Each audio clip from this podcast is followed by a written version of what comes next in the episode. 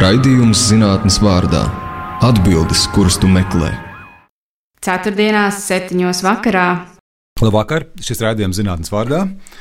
Šovakar raidījumu vadīja Vars Alsters, un uh, es sākšu raidījumu ar citātu no mūsu šī vakara viesņas apraksta par to, kāds ir viņas uh, pētniecības uh, projekts, par kuru mēs vēlāk runāsim. Tātad uh, stāsts būs par kaut ko, ko pirmā brīdī varbūt ir grūti iedomāties. Es pēc tam atļaušos vēl vienu tādu repliku šai ziņā, kāpēc grūti iedomāties. Bet uh, teksts ir sekojošs. Līdzīgi kā kādreiz ir notikusi pāreja no katodstaru displejiem uz šķidro kristāla displejiem, mūsdienās pakāpeniski un neatlaidīgi norisinās pāreja no divu dimensiju attēlu displejiem uz trīsdimensiju attēlu displejiem. Pasaulē prognozē, ka trīsdimensiju vizualizācijas tehnoloģijas ieņems būtisku vietu daudzās profesionālajās jomās, pateicoties jaunajām iespējām, kas nodrošina telpisku attēlu aplūkošanu. Cienījamie radioklausītāji, šovakar mums ciemos ir Tatjana Pladere, Latvijas Universitātes fizikas un matemātikas un optometrijas fakultātes optometrijas un redzes nodaļas pētniece. Labvakar, Tatjana!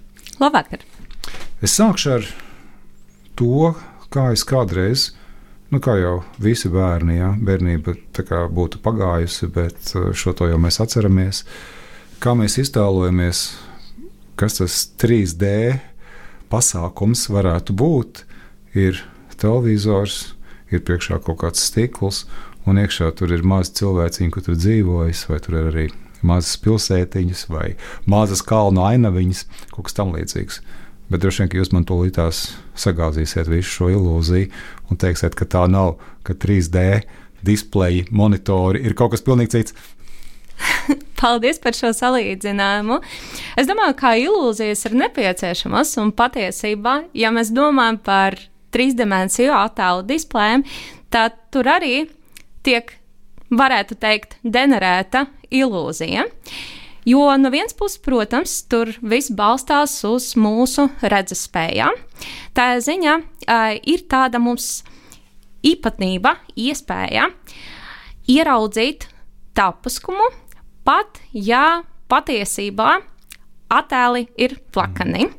Tātad um, jūs to varat. Tā kā mēs piedomājam klāt, jau mēs pieliekam to, kas trūkst. Varētu teikt arī tā, bet tas balstās uz mūsu, uz mūsu spējām, kā mēs, tad, kad skatāmies ar, ar abām acīm kopā, mēs nemaz varbūt nepamanām, ka katrā acī tas attēls ir mazliet savādāks. Ja? Bet mēs varam izvēlēties kādu objektu tuvumā, un šobrīd arī klausītāji var to izdarīt droši, un tad paskatīties atsevišķi ar labo aci, ar kreiso aci, un tad salīdzināt, kāds ir tas attēls. Un tad uh, bieži vien ir tad viegli, viegli pamanīt, pamanīja, ka tomēr šie attēli nav vienādi. Un tad sanāk, ka rezultātā mēs taču redzam pasauli vienu. Un tas nozīmē, ka mūsu smadzenes spēj apvienot tos mm. dažādus signālus, kas nāk no labas acis un no kreisas acis. Tāpēc būtības jūs tā kā trešo aci pievienosiet. Es tagad steidzos. trešā acis, trešā, trešā acis, trešās acis funkcija varbūt tad arī pilda smadzenes, ja mēs tā varam salīdzināt.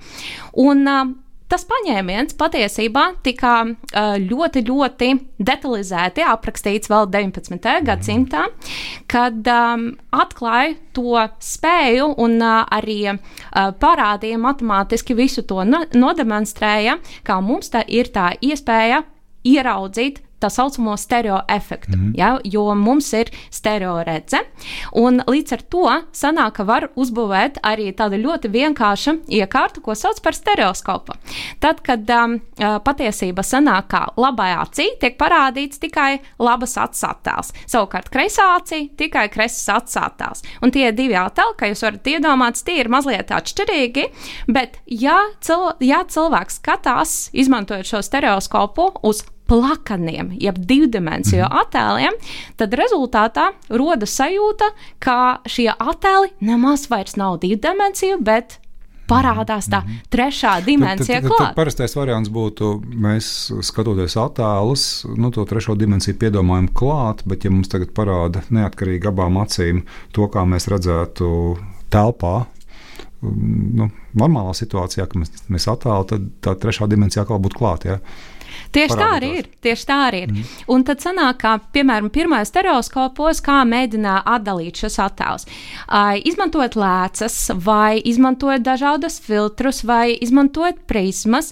Un šobrīd es domāju, arī klausītāji kādreiz mēģināja paskatīties, varbūt uh, 3D kino, jā, jā. vai arī 3D attēls, un tad arī zina, kā pielieto uh, specifiskas brilles, kas ir tas saucamās filtru brilles, piemēram, sarkanzilas vai sarkanzaļas vai arī polarizētas brilles, lai iegūtu uh, to iespēju atdalīt signālu labai -hmm. acī un kreisai acī, lai smadzenes uh, šie signāli varētu būt apvienoti un kā rezultātā mēs iegūstu tādu kā dziļuma sajūtu atkarībā no tā, cik lielā mērā šie attēli ir nobīdīti. Es, es tagad atcerējos, kamēr jūs stāstat, bērnībā man bija tādi komplekti ar diapozitīviem. Dažiem, ka daudziem bērniem bija no lācīšu dzīves. Jā, tur bija lācīšu ģimene, kas, kas dzīvoja, un tad varēja skatīties. Tad bija tiešām ļoti interesanti sajūta, ka tu ieliki tādās uh, speciālā skatāmajā ierīcītē, ļoti primitīvā, bet um, pietiekami efektīvā tos uh, diapozitīvus, uh, kas acīm redzami bija pēc šāda principa veidoti. Ja, tas bija tāds fa fascinējošs iespējas. Pilnīgi piekrītu. Tas, tas tiešām ir tas, izklausās, ka tas ir tas paņēmiens, kas tika izmantots. Un uh, pakāpeniski tas viss attīstās. Ir, interesā, ir interesanti, ka neskatoties uz to, ka mēs zinām uh, par šādu veidu paņēmienu jau, nu, kā, jau no 19. gadsimta, mēs mm -hmm. to mhm. diezgan bieži izmantojam, dažādas ierīces, bet uh, displeja tiek uzlaboti un uzlaboti pakāpeniski, bet tajā pašā laikā mēs joprojām to telpiskuma sajūtu varam iegūt balstoties uz šo principu, ja kā tiek atdalīti attēli labai un kreisai acī. Bet kā to var dabūt iekšā displejos, nu, piemēram, nu, droši vien arī datorā displejā vai ne? Es tagad nezinu. Gribu paskatīties kādu YouTube filmu vai ne? Vai labi, to es pēc tam paprasīšu, vai tas ir iespējams tur dabūt 3D attēlu iekšā. Bet kā tas notiek attiecībā uz displeju, ka es dabūnu to 3D? 3D attēlu, nu, ka jūs dabūjāt, vai tie, kas grib, mm -hmm, tie -hmm. dabūna. Jā, pastāv ļoti da daudzveidīgas iespējas, kā tu vari rezultātu iegūt, bet um, tāda veida displejus, kurus sauc par, piemēram, par portatīviem displejiem, ja virtuālas mm. realitātes displejiem, tad izdara to, ka patiesībā pastāv divi ekrāni. Ja? Viens ekrāns labā acī un viens ekrāns kreisajā acī. Un es domāju, par virtuālo realitāti visticamāk arī kaut ko jau esat dzirdējuši, mm. un uh, varbūt pat, jā, varbūt jūs pat pamēģinājāt to. Jā, es esmu pamēģinājis, jā, protams, jā. Uh, un kādas bija jūsu sajūtas? Um, nu, diezgan interesants. Nu, no vienas puses, tas ir diezgan fascinējoši, kas notiek tajā vidē, kur tu esi. Bet tas, kas man līdz šim ir traucējis, tas mākslīgums, nu, tas ir, ja tas būtu mērķiecīgs mākslīgums, tad varbūt man tas pat priecētu, ja, bet um, parasti mēģina panākt kaut ko ļoti līdzīgu nu, tai dzīvei, kurā mēs esam pieraduši vai tai telpai, kurā mēs esam pieraduši atrasties. Bet tur tomēr ir, nu, teiksim, visi tie tēli ir tādi, nu, nezinu, šī vārda negatīvā nozīmē oldschoolīgi datoru tēli, ja nu, kaut kas tāds. Un tāda ir mana pieredze. Es, es nezinu, ka ir arī kaut kas savādāks un um, atšķirīgs. Mm -hmm, mm -hmm. Protams. Uh, domājot par, eh, par, to, par to pieredzi, viss ir atkarīgs arī no tā, kāda veida displejus jūs izmantojat, ja, un kuro, kuros brīžos jūs mēģināt tos izmantot. Es domāju, ka arī klausītājiem, piemēram, tas pašas virtuālās, real, tas pašas virtuālās realitātes iespējas vairāk asociējas drīzumā ar izklaidi, mm. ja, ar, ar kaut ko tādu, ko varētu izmantot tikai ļoti, ļoti īsu laiku. Tad sanāk, ka um, mēs lielākoties asociējam to ar izklaidi, bet pakāpēns pakāpeniski mēs virzamies uz to, lai virtuālo realitāti izmantotu daudz biežāk, un ne tikai mhm. izklaidē, bet arī mhm. mācībās, studijās un pat darbā. Darbā sāksim ar darbu. Kā tur tas varētu mums uh, palīdzēt, kā to varētu izmantot? Domājot par darbu, pastāv dažādas sfēras, kur trīsdimensiju attēli varētu palīdzēt rezultāta darbu paveikt efektīvāk, ātrāk un arī pieļaut mazāk kļūdu.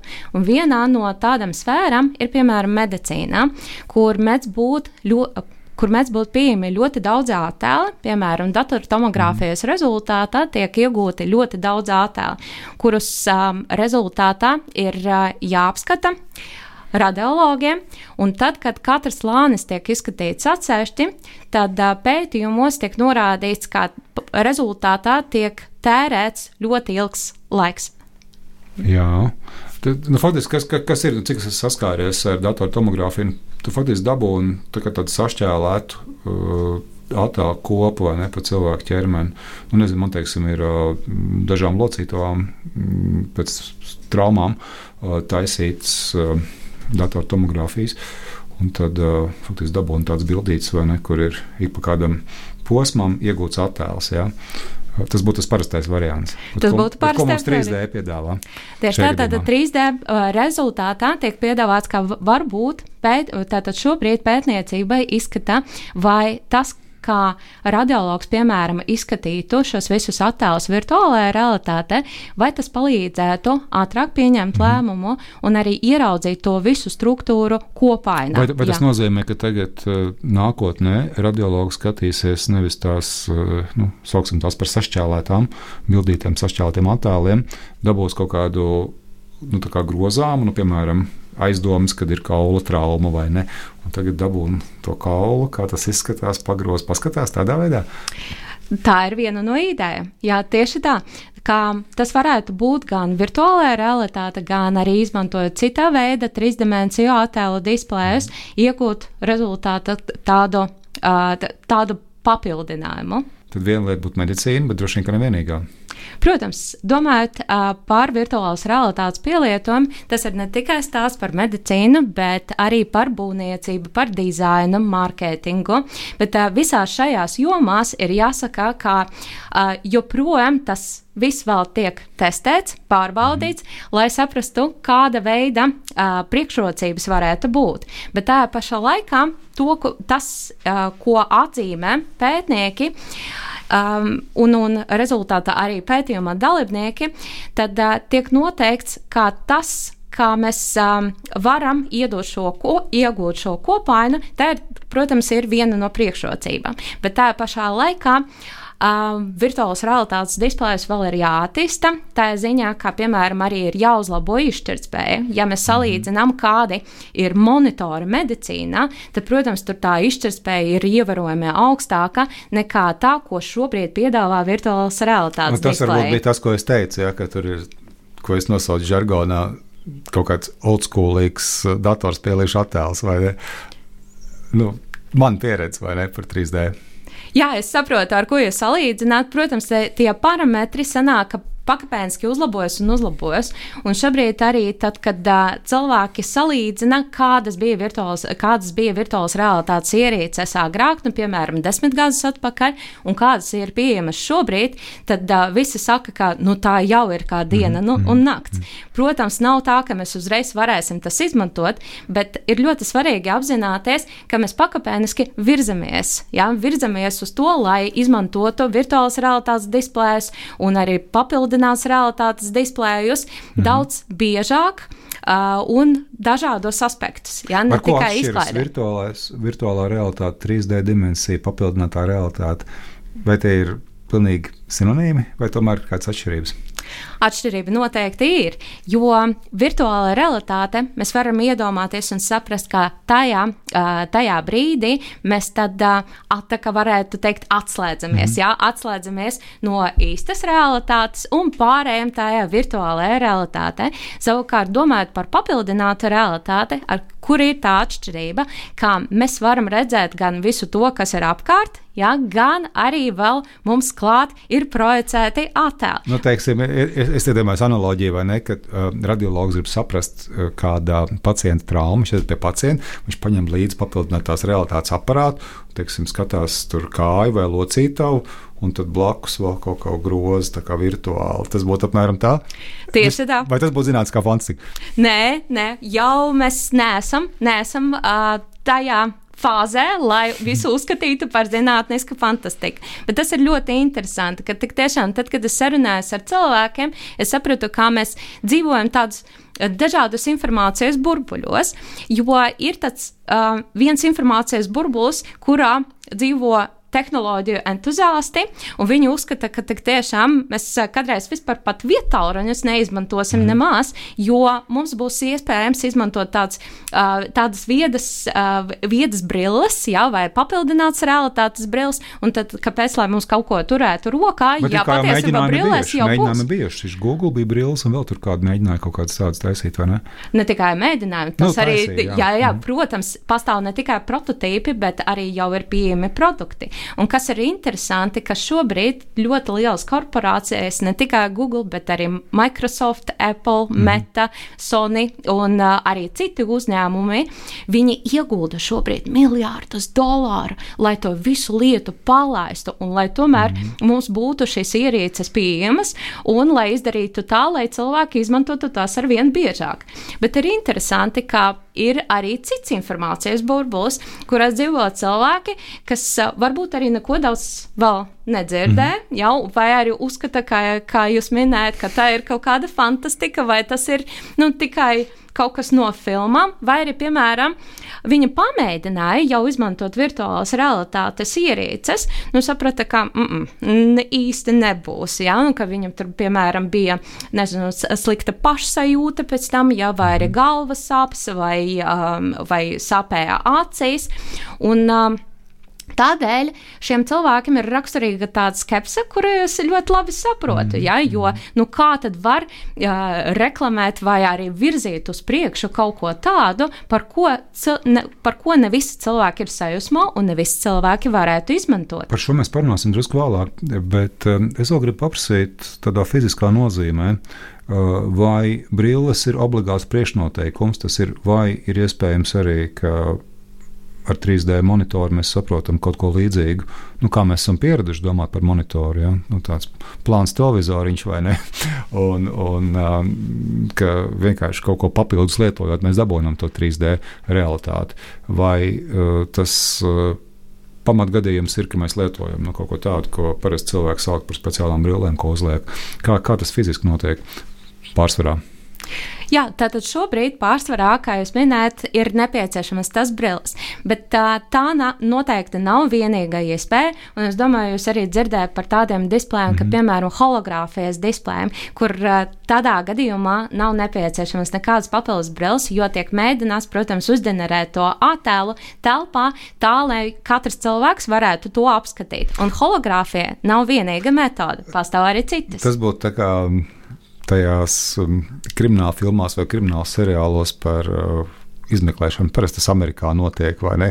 Ka iet laboratorijā un tur nav nekāda kārtīga monitora, bet tur viss kaut kā notiek telpā vai ne trijās dimensijās, tur kaut ko pagroz, pakustina un viss ir. Tas būtu tādā veidā. Ir gan, ir gan. Un, protams, mēs filmos to, to arī jau redzējām, ja, jā, un fantāzējam par to jau kādu laiku. Un ir interesanti, ka patiesībā uh, bija laiks, kad domāja, ka varētu varbūt labāk tādus kā priekšējā skata monitorus, labāk bīdīt uz priekšu tas trīsdimens, ar trīsdimensiju mhm. attēliem.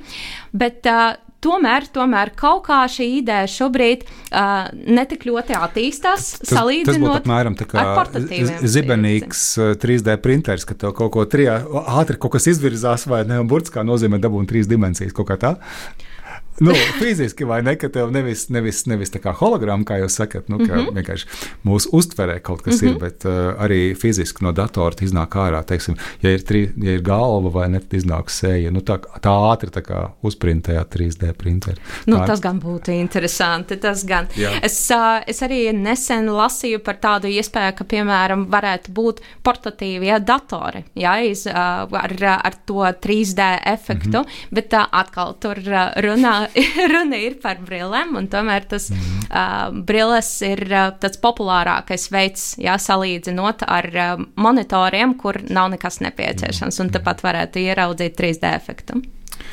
Jā, es atgādināšu klausītājiem, ka Tatjana Pladera mums ir šovakar ciemos, redzējumā zinātnes vārdā. Tagad mums būs muzikas pauze, un līdz šim mēs runājam par saul, saulainājiem pusēm, ja par uh, to gaišo perspektīvu, kas ir attiecībā uz 3D monitoriem. Uh, pēc muzikas pauzes pievērsīsim negatīvajam aspektam. Nu, problēmām, citiem vārdiem sakot, jā, bet tas nebūs varbūt ļoti pesimistiski, jo īstenībā es uh, ceru, ka Tata mums pastāstīs par to, kā tās problēmas potenciāli var risināt. Tātad uz brīdiņu paklausīsimies muziku. Labvakar! Šis rādījums zinātnīs vārdā. Labvakar vēlreiz. Mēs jau redzējām, esam sākuši. jau gandrīz 20 minūtes esam runājuši ar mūsu šī vakara viesu, viesņu Tatjanu Pladeri no Latvijas Universitātes fizikas, matemātikas un optometrijas fakultātes, no optometrijas un redzes zinātnes nodaļas, kur Tatjana ir pētniece. Mēs sarunu sākām par to, kā mūsdienās attīstās 3D monitoru tehnoloģija un kāpēc tā ir tāda, nu, kas, kas var kaut kādu būtisku un labu pienesumu sniegt. Nu, mēs runājam par medicīnu, bet uh, bija arī runa par uh, arhitektūru, dizainu, mārketingu. Bet uh, jūs jau tādā pieminējāt tādu īsu frāzi, ka ne visiem cilvēkiem patīk un ka tur ir kaut kas slikts. Un, ja es pareizi saprotu, tad jūsu šā brīža būtiskajā projektā jūs tieši šo aspektu mēģināt uh, analizēt un saprast. Un, uh, ko nozīmē, ka ne viss ir labi, vai jūs nevarat drusku par to pastāstīt? Noteikti. Paldies par šo jautājumu.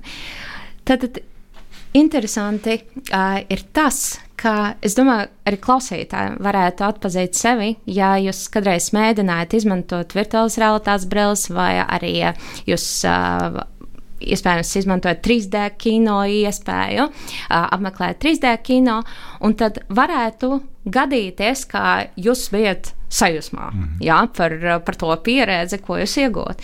Bet varbūt jūs esat tas cilvēks, kas īsti nebija apmierināts, jā, vai arī jūs redzējat, ka varbūt paziņo vai draugs ir tāda sajūsma un grib nākt vēl un vēl, vai arī labprāt spēlētos virtuālajā, virtuālajā vidē vēl kādu stundu vai divas. Bet jums īsti nebija labi. Mm -hmm. jā, vai... Fiziskā nozīmē, jūs domājat, vai, vai vienkārši nepatika? Vai vienkārši nepatika, vai arī fiziskā nozīmē, jo tā ir ļoti interesanta lieta, ko šobrīd ļoti aktīvi pēta un pēta jau vairākus gadus. Jo šeit ir, ir, ir dažādi faktori. Ja? Ir skaidrs, ka ir dažādi faktori, kāpēc cilvēks varētu pieņemt vai nepieņemt šo jaunu tehnoloģiju. Un joprojām daudzi jautājumi paliek tā arī neatbildēti. Un sākumā likās, ka varbūt uzlabot displeja kvalitāti, mēs rezultātā varēsim nonākt līdz tam, ka visi cilvēki būs priecīgi. Ja? Un, uh, Tāda ideja nāca vairāk no industrijas, no inženieriem, programmētājiem. Tā ideja, ka nu, varbūt vairāk pikseļu vajag. Oh, jā, jā, jā. varbūt smalkāks attēls. Vai... Smalkāks attēls, varbūt tas krāsaināks attēls mm. ir nepieciešams, varbūt tuvāks realitātei. Un ka rezultātā cilvēks būs priecīgs.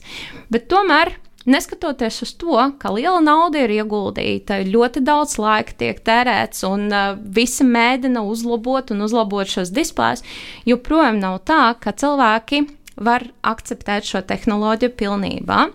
Un, protams, dati ļoti atšķirās atkarībā no tā, piemēram, cik ilgu laiku izmantoja šāda veida displejus. Tad uh, mēdz būt tā, ka, piemēram, 60% no visiem cilvēkiem izjūs kaut kādu diskomfortu. Ja? Tas varētu būt lielāks Paklīt diskomforts. 60% pat līdz 60%. Tieši tā. Un uh, viena no pēdējām ziņām, kas bija oktobra vidū, kad uh, pa pastāstīja par to, kā tad bija cilvēkiem, kas izmantoja jaunākas paudzes papildināts realitātes displējas, uh, trīs stundas.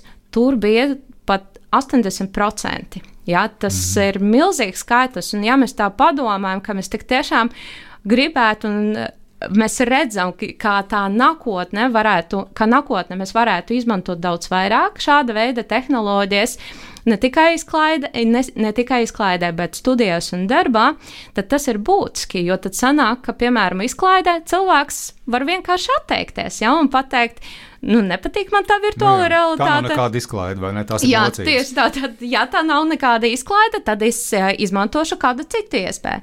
Bet jautājums paliek ļoti aktuāls un sāpīgs, ja mēs domājam, ka, piemēram, skolās virtuālās realitātes ierīces būs jāizmanto. Ja? Vai tā būs kaut kāda papildus iespēja iegūt zināšanas, vai, piemēram, universitāte vai arī darbā. Iedomājieties, mm. ka mhm. jums darbā pateiks, ka nu, nezinu, pēc mēneša jums nu, tas, obligāti būs tas nepieciešams. Senāk, neviens nemācīja parasto datoru strādāt, un tad vienkārši desmit gadu laikā tas bija kaut kas pilnīgi obligāts. Pilnīgi obligāts. Un tad ir jautājums, vai jūs būsiet tas cilvēks, kas spēs akceptēt, vai arī nē, vai jūs varēsiet pielāgoties. Un Tādēļ ir ļoti būtiski saprast, kas ir tie faktori. Mm. Un tad, tad, kad pakāpeniski uzlaboja displejs, ir kļuvis skaidrs, ka tas nav tikai par displeju. Bet, bet kāda bija tā uzlabošana? Tad kas tika uzlabots? Ja jūs no sākuma minējāt, ka tur domājat visādas lietas, būs vairāk krāsas, cilvēkiem būs patīkamāk, ja? vai būs tur lielāka izšķirtspēja, būs patīkamāk. Vai tas bija tas, vai tas tomēr bija vēl kaut kas cits arī? Tātad gan šie parametri tika uzlaboti noteikti, ja, un arī cilvēki, kas, kā, kā es minēju, tad tie cilvēki, kas pamēģināja izmantot desmit gadus atpakaļ, un šobrīd nu, redz, ka, ka cik lielā mērā tas viss attīstījies, ir svarīgi, protams, ja mēs plānojam izmantot šos displejus ilgu laiku, tad ir būtiski, lai tie displeji ne, nebūtu pārāk smagi, piemēram, ja, jo citādi būs galvas sāpes. Mm -hmm. Un šie visi uzlabojumi tika veikti. Ja? Ne tikai šie, bet arī citi. Bet uh, jautājums paliek, kāpēc ir cilvēki, kas var to akceptēt? Tas Jā. gan ir jautājums. Ja? Un, uh, Tādēļ mūsu interese, tā pēt, pētniecības interese ir vērsta uz to, lai saprastu labāk, kuri faktori tad rezultāti ietekmē to, vai cilvēks spēj akceptēt vai nespēj akceptēt. Un ir interesanti atzīmēt, ka pēdējo pēdējā laikā beidzot saprata, ka tas ir ne tikai par displeju, bet par sadarību. Mm -hmm. Par tādu kā sadarība matchmaking, jā, starp tas cilvēku varētu, un displeju. Tas varētu būt tā, ka nu, līdzīgi kā vienkārši brilles vai ne, tev vajag īstās brilles, un tu nevari pat, ja tev ir uh, kaut kādas uh, redzes uh, īpatnības, Tu nevari vienkārši paņemt brilles, kas ir domātas stūredzīgam vai tālredzīgam cilvēkam. Tev ir vajadzīgs speciālās kaut kā tā.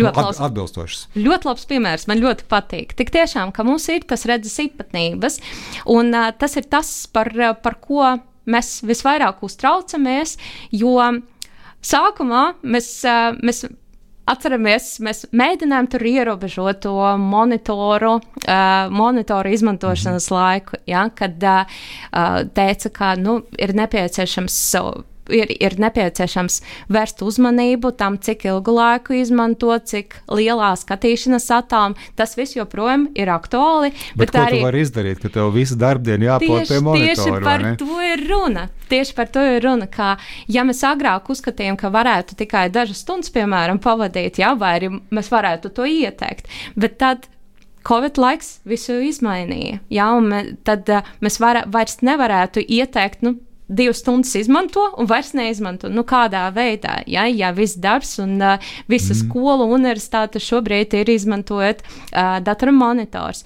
Un uh, tā jau ir slodze redzes sistēmai, un pakāpeniski izskatās, ka mēs vēlamies to slodzi pat palielināt, jo, un, te, un šeit ir tāda būtiska loma tam, lai saprastu, cik izturīga ir tā redzes sistēma. Mm.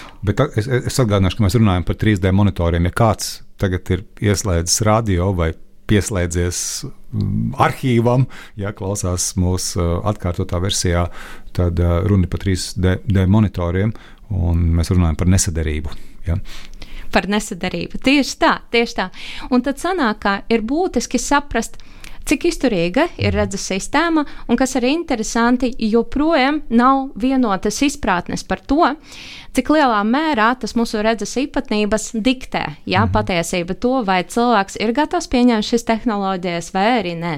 Un līdz ar to ir nepiecie, nepieciešama detalizēta izpēta, lai saprastu, kāpēc, ja, un kādi ir tie parametri, kuri tie parametri, kuriem mums vispirms ir jāvērtē, ja, un pēc tam varbūt mēs varētu arī palīdzēt cilvēkam uh, ar to sadarīt. Nu, kaut kā piekalibrēt to monitoru, jo droši vien jau nebūtu tā, ka ražot katram individuāli. Varbūt, ka jā, es nezinu.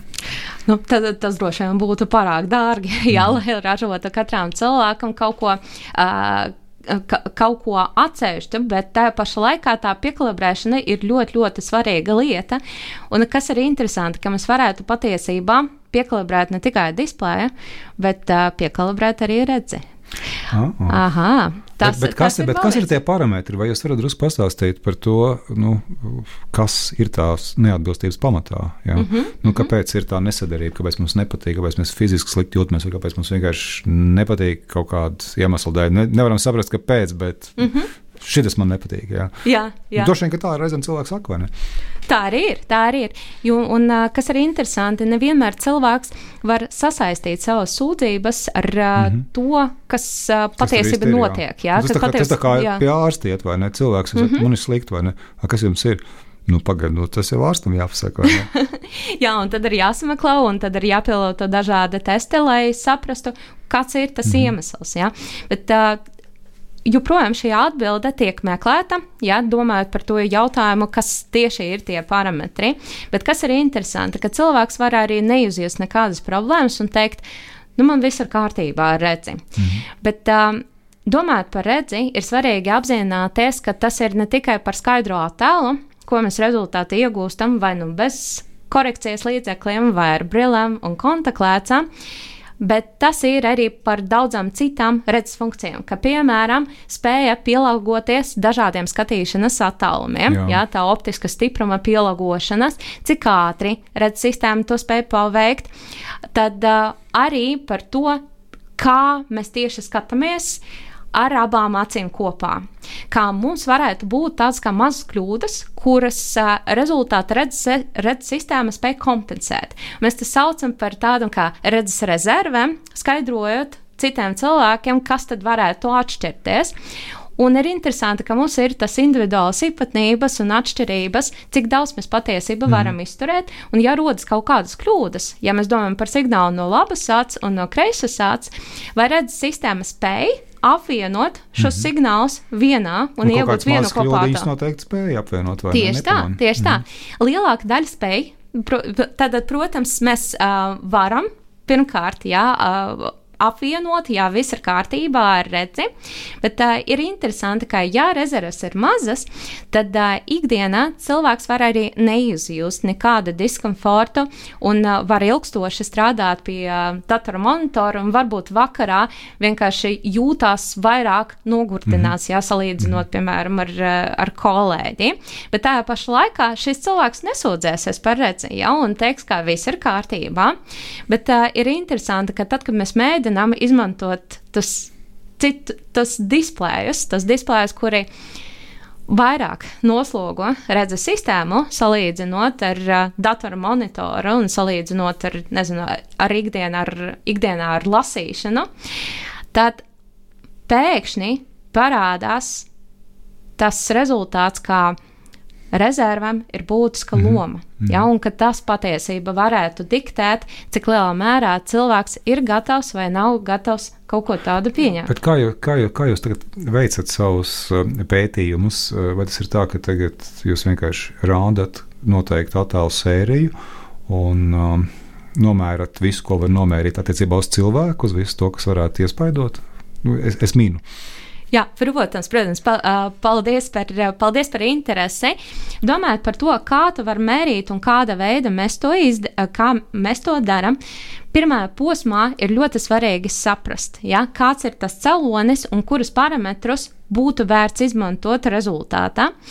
Un tas tiek darīts vairākos veidos. Pirmkārt, mēs mērām pirms un pēc, mm -hmm. izmantojot kliniskos testus, ja, mm -hmm. testus, kurus izmanto kliniskajā praksē, lai saprastu, vai mēs varam notērt, notērt tos pēc efektus, ja, kas rezultātā. Kliniskos testus tas būtu no optometrijas viedokļa. Ja, vai? Pilnīgi pareizi. Ja? Tad tā, tos testus, kurus izmanto optometrists, ja kliniskajā praksē, mm -hmm. vai ar šiem testiem uh, būtu mēs varētu pilnvērtīgi novērtēt un pateikt. Jo arī, ja mēs iedomājamies šo situāciju, ja pacients, piemēram, jautā, jautā nu, kas tieši, kas mm -hmm. tieši ir vainīgs, vai, vai, ir, vai tā vaina ir kaut kāda manā redzes sistēmā, vai es varētu tur kaut ko darīt. Un tā ir interesanta lieta, kas uh, ir ļoti noderīga nākotnē, vai mēs varētu arī ar šiem testiem noteikt, kurus, pa, kurus parametrus uzlabot, mm -hmm. un vai mēs varētu piedāvāt specializētus redzes treniņus, lai varbūt tomēr iegūtu to sadarību. Arī, arī, arī cilvēku pusē, tā teikt, ne tikai mašīnas pusē. Tieši tā, un tad, tad šeit ir interesanta tā lieta, ka mums tā piekalibrēšana ārstēšana varētu notikt ne tikai no displeja puses, ja, bet arī mm. no cilvēka puses. Bet uh, ir svarīgi sākumā izprast, ja, kur ir tā problēma. Tātad, kā jau minēju, viena, uh, viena no iespējām ir mērīt pirms un pēc, izmantojot kliniskos mm. testus. Bet uh, tad mēs redzēsim, kāda ir šo testu jūtība, un vai, vai mēs varam tik tiešām pārliecinoši rezultātu saprast vai, vai tur ir tā saistība, vai arī nav. Bet tad nākamais posms būtu, ja um, tad. Ja mēs redzam, ka ar to nepietiek, tad, protams, nākamais jau uh, posms būtu tas mazliet lielāks izaicinājums, jo tad būtu jāmēra uh, uzdevuma laikā jā, jā. uzdevuma laikā. Un tā kā šī ir tāda displeja, kas, kas sec daļu no galvas, tad būtu jāpiemeklē, protams, atbilstoša, atbilstoša metode, lai kaut ko tādu varētu jo, ja noteikt. Katrs ir bijis pie optometrista, tas saprot, ka tur arī ir ierīces vai ne, kuras uh, ir pat, nu, varbūt grūti savienojams ar to vai ne, ar to 3D displeju. Vienlaikus, noteikti, noteikti, noteikti. Jā, jo, piemēram, ja, cil, ja, ja jūs izmantojat virtuālās realitātes displeju, nu, jūs varat iedomāties, ja, ka tur acīm priekšā jau vairs nu, neko daudz nu, jā, mēs nevarēsim jā. pielikt jā, rezultātā. Bet pastāv arī cits metods, un uh, izstrādā interesanti, ka izstrādā arī jaunas um, mērierīces, arī tā iemesla dēļ, ka cilvēki tomēr ir ieinteresēti uh, izmantot uh, virtuālus un papildināts realitātes displejus vairāk, ka, piemēram, specifiski uh, acu kustību pierakst, pierakstes, uh, pierakstīšanas aparāti, mm. kurus uh, var kā, aizbīdīt, ja, aizbīdīt tik tuvu acīm, kā rezultātā cilvēks var izmantot gan vienu, gan otru displeju, ja, gan, gan to acu kustību pierakstīšanas iekārtu, ja, gan arī papildināts realitātes displeju. Tā kā pastāv arī tādas iespējas noteikti. Mm -hmm. Tad uh, jūsu pētījuma rezultātā iegūs droši vien ne tikai uh, 3D tehnoloģija puse, bet uh, arī optometrija kā jaunas metodas, nu, kā mērīt. Ja? klīniskā nozīmē tās problēmas. Cilvēki. Noteikti tā, tā, tas arī ir mūsu mērķis. mērķis nu jā, jā. Jā. Mūsu mērķis uh, ir uh, izdarīt tā, lai palīdzētu cilvēkiem, kam būs jāizmanto šīs tehnoloģijas, rezultāti izmantot tās. Mm, ja? mm. Un tas. Mēs, mēs nevarēsim pielāgoties visam. Ja, un to ir būtiski saprast. To ir būtiski saprast industrijai, mm. ja, ka tomēr pastāv nepieciešamība uzlabot uz displejus un darīt tā, lai cilvēks varētu tos izmantot, varbūt arī bez specifiskiem redzes treniņiem. Mm. Bet uh, pagaidām izskatās, ka. Uh, Tāda alternatīva veida displeja tiek attīstīti, bet uh, pagaidām tie ir vēl nu, pārāk dārgi, jā, mm. lai tie būtu plaši pieejami. Un tie displeji, kuri ir plaši pieejami, nu, par, tiem, par tiem mēs jau zinām, jā, ka tur varētu rasties tas problēmas. Jā. Līdz ar to ir svarīgi, ka mēs mēģinām uh, izprast, kur ir tas problēmas cēlonis, ja, un arī palīdzēt cilvēkiem, ja ir iespējams kaut ko uztrenēt, ja, tad arī uh, uztrenēt un uh, uzlabot to sadarību. Es vēl nevaru nocieties, man ļoti gribās pavaicāt, kā ir ar to pārlieko perfekciju, jo pēdējā laikā jau ir novērojama, nu, es negribētu saukt kustība, bet ir pietiekami daudz cilvēku, kuriem šķiet, ka nu, piemēram, mūzika, kā tā tiek ierakstīta mūsdienās, ir pārāk sterila, nav interesanti. Nu, kā viens piemērs, droši vien veco vinilu plašu, tā kā renaissance, vai ne? Kur ir tāda krakšķīša, nu tur kaut kas ir vai ne, un tad cilvēks saka, o, tā ir īstā analogā skaņa, vai ne, tā ir patīkama manām ausīm, vai daudziem patīk atkal tā Uh, veclaicīgā, ko sauc par analogo fotografiju, nu, kur arī ir daudz visādas kļūdiņas, daudz nejaušības. Nu, viņi kā kopumā ir mazāk perfekti, bet nu, daudziem patīk. Kā ir ar um, šo monitoru lietu? Ja? Vai tur arī nav tāds draudz, ka aiziet pārāk lielā perfekcijā, kas. Nu, varētu arī vismaz dažiem cilvēkiem mazāk patikt. Jā. Mm -hmm, mm -hmm. Uh, dzirdam, jā, interesants tas jautājums.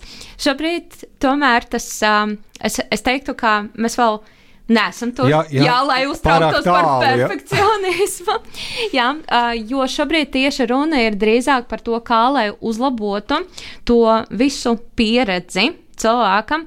Ir ceļš, ja runa ir par kaut kādām tādām ļoti specifiskām darbībām, kā mēs jau sākumā mm -hmm. uh, runājam par, piemēram, par medicīnu, ne tikai par radioloģiju, bet ķirurģiju, jo tieši domājot par ķirurģiju, tur redz to pa, uh, potenciālu, piemēram, papildinātas realitātes displējiem.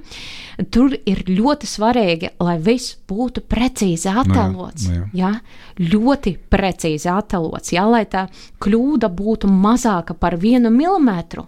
Un kad mēs tā iedomājamies. Vienkārši nu, tur, tur vēl tik tiešām labāk būtu, ja tas jā. viss tiktu attēlots perfekti. Droši vien, ka viens milimetrs arī pārāk daudz kaut kādās neiroloģijas gadījumos, piemēram, jā, kur ir vajadzīgi. Jā, jā par to ir arī runa. Jā. Mm. Un tas ir tas ļoti, ļoti būtisks izaicinājums. Un līdz ar to ir svarīga tā sadarbība starp dažādām nozarēm, starp dažādiem speciālistiem. Tas ir gan izaicinoši, gan arī ļoti interesanti un noderīgi.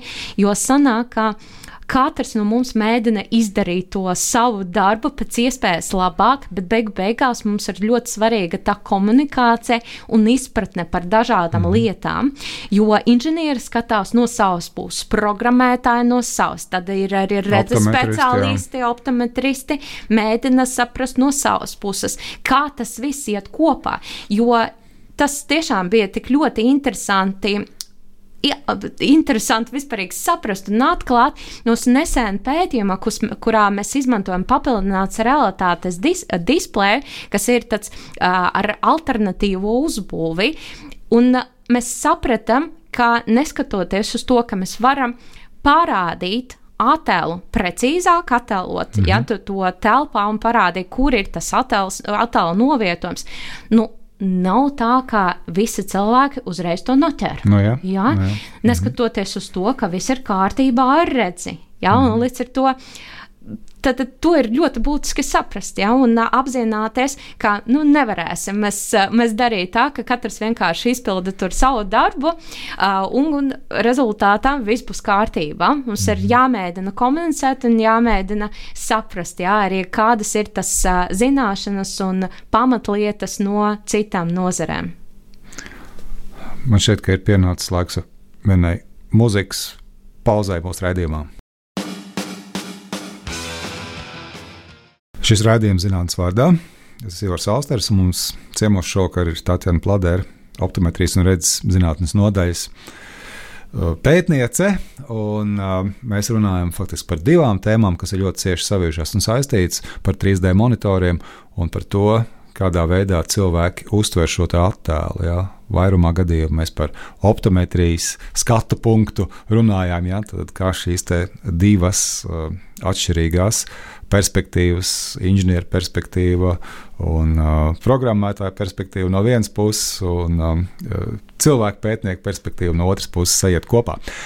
Bet um, es gribu tātad jums vēl pavaicāt arī par um, jūsu cita veida dzīvi, par paralēlo pasauli. Es zinu, ka jūs esat uh, strādājusi arī skolā mācīdama matemātiku un fiziku.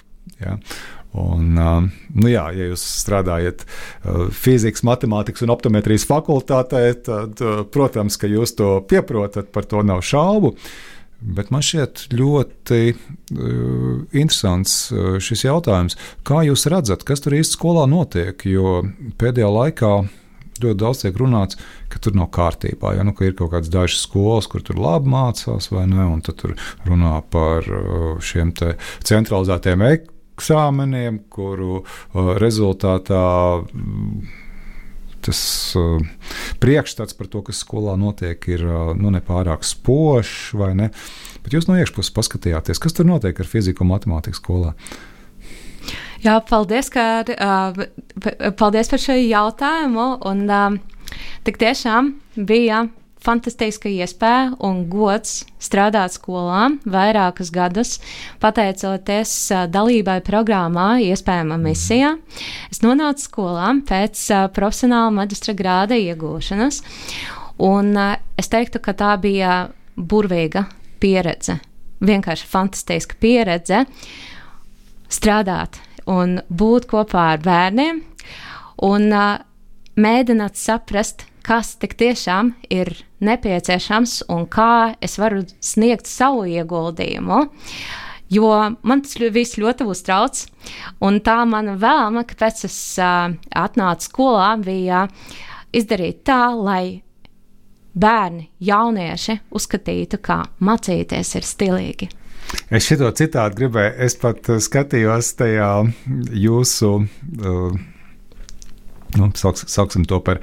Uh, uh, Stādīšana priekšā no iespējamās misijas puses, uh, tur tāds jūsu citāts ļoti skaists. Es gribētu, lai man skolēni domā, ka tas ir stilīgi būt gudram, labi mācīties un apgūt jaunas prasmes. Ja? Jā, un nekas nav mainījies. Nekas nav mainījies. Neatkarīgi no tā, vai es strādāju, vai es strādāju ar bērniem, jauniešiem, pusauģiem, vai šobrīd jau ar pieaugušiem cilvēkiem universitātē. Manuprāt, tas ir ļoti svarīgi, ko mēs uzskatām. Ko mēs uzskatām vispārīgi par mācībām. Jo tā, tas sauklis, kas man ļoti patīk, un manuprāt, tam vispārīgi ir jābūt pamatā jā, visam tam, ko mēs darām, skolā, izglītībā, katrs bērns var. Mhm. Vai, vai katrs bērns tiešām var iemācīties diferenciālu vienādojumu rēķināt? Nu, to laikam skolā nemācās tagad, bet kādreiz mācīja. Var? Jā, var? Var. Var. Un tas ir būtiski. Un tas ir būtiski, lai gan pieauguši, zinātu to, gan arī lai katrs bērns zinātu. Mm. Un, manuprāt, tas viss sākas ar tādu ideju. Ar ideju, ka es varu. Mm -hmm. Es varu atrisināt to matemātikas uzdevumu. Es varu izpildīt to laboratorijas darbu fizikā. Mm -hmm. Es varu iegūt doktora grādu. Un tad ir būtiski, lai būtu atbilstošs atbalsts. Un tā ir, tā ir bijusi arī mana pieredze skolā, mm -hmm. ka es varēju satikt dažādus skolēnus, dažādus bērnus, un daži no viņiem bija tik ļoti, ļoti entuziastiski apgūt mācību vielu. Viņi vienkārši saka, tu, Ja, es, es ņemšu visu, ņemšu visu, ko tu man dosi. Ja? Visi, visi uzdevumi ir fantastiski, viņi mēģina izpildīt. Bet ir arī skolēni, Es ļoti labi atceros, ka, piemēram, 5. klasē ir skolēns, kas īsti neiesaistās. Es redzu, ka viņš neiesaistās neatkarīgi no tā, ko es viņam piedāvāju. Un es domāju, nu, varbūt tas uzdevums ir pārāk sarežģīts. Jā, varbūt iedot vienkāršāku uzdevumu.